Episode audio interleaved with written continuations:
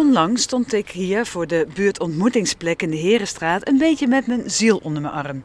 Of liever gezegd, met mijn Koreaanse rijstkoker. Want hij is kapot. Hij kookt geen rijst meer en hij praat ook geen Koreaans meer tegen me. Gelukkig is er elke maand een repaircafé in de Bob, waar buurtcoach Fransje Barnaar de scepter zwaait.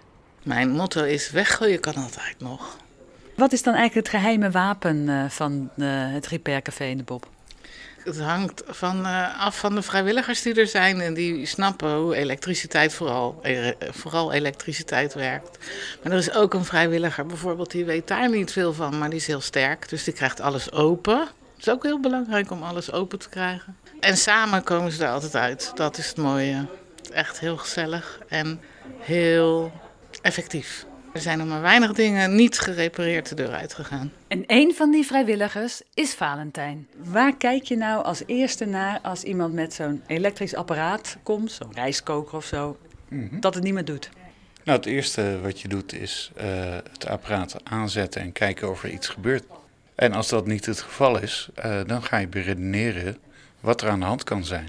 Dat kan alleen een elektrisch probleem zijn. Dus het is eerst een kwestie van je stopt de stekker erin. Ja, eigenlijk wel. En als hij het dan nog niet doet, dan eh, ga je hem openschroeven. Ja, en doormeten. Eigenlijk de hele constructie volgen om te kijken eh, wat er zou moeten gebeuren en waar daar problemen zouden kunnen zijn. En als je op een gegeven moment ziet dat, er- dat er ergens geen stroom meer loopt, dan denk je, ah, Eureka. Inderdaad. En dat kan heel simpel zijn. Een, een, soldeerverbinding die niet meer vastzit of zoiets. Maar het kan ook complexer zijn.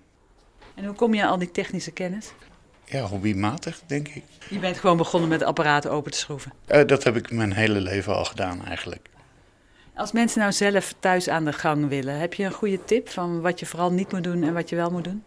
Nou, één, één ding wat heel belangrijk is, is eh, veiligheid natuurlijk. Als je een apparaat openschroeft, zorg er dan voor dat de stroom eraf is. Zodat je zelf geen eh, schok kan krijgen. Dat klinkt heel vanzelfsprekend, maar eh, dat is het waarschijnlijk niet. nee, niet altijd. Nee, ik heb eh, zelf ook wel eh, de nodige schokken gehad in het verleden. Hier spreekt een ervaringsdeskundige. Ja, waarom kom je eigenlijk naar het repaircafé om, ja, om reparaties te doen? Ik, ik ben hier gewoon een keer aankomen lopen en het leek me leuk. Dus, en het leek me ook wel nuttig. Toen was mijn rijstkoker aan de beurt. De rijstkoker ging open, er waren draadjes in alle kleuren van de regenboog. Maar waar zat het lek? Alles werd minutieus afgewerkt, totdat ergens de stroom niet meer doorliep. Ja, en toen was het een zaak van een kapotte zekering. Nieuwe zekering erin. En toen deed mijn rijstkoker het weer. Hij kookt weer rijst en hij praat weer tegen me. 안녕하세요. 쿠쿠입니다. 음성 가이드로 더욱 편리하게 쿠쿠하세요. En als je nu ook iets hebt wat je wil laten repareren, dan zijn er een heleboel repaircafés in Leiden en omstreken. Elke eerste zaterdag eentje in Oestgeest, elke tweede zaterdag in de Merenwijk en eh, elke derde zaterdag dus in de Bob aan de Herenstraat. En de gemeente Leiden wil dit netwerk nog veel verder uitbreiden, want weggooien kan altijd nog.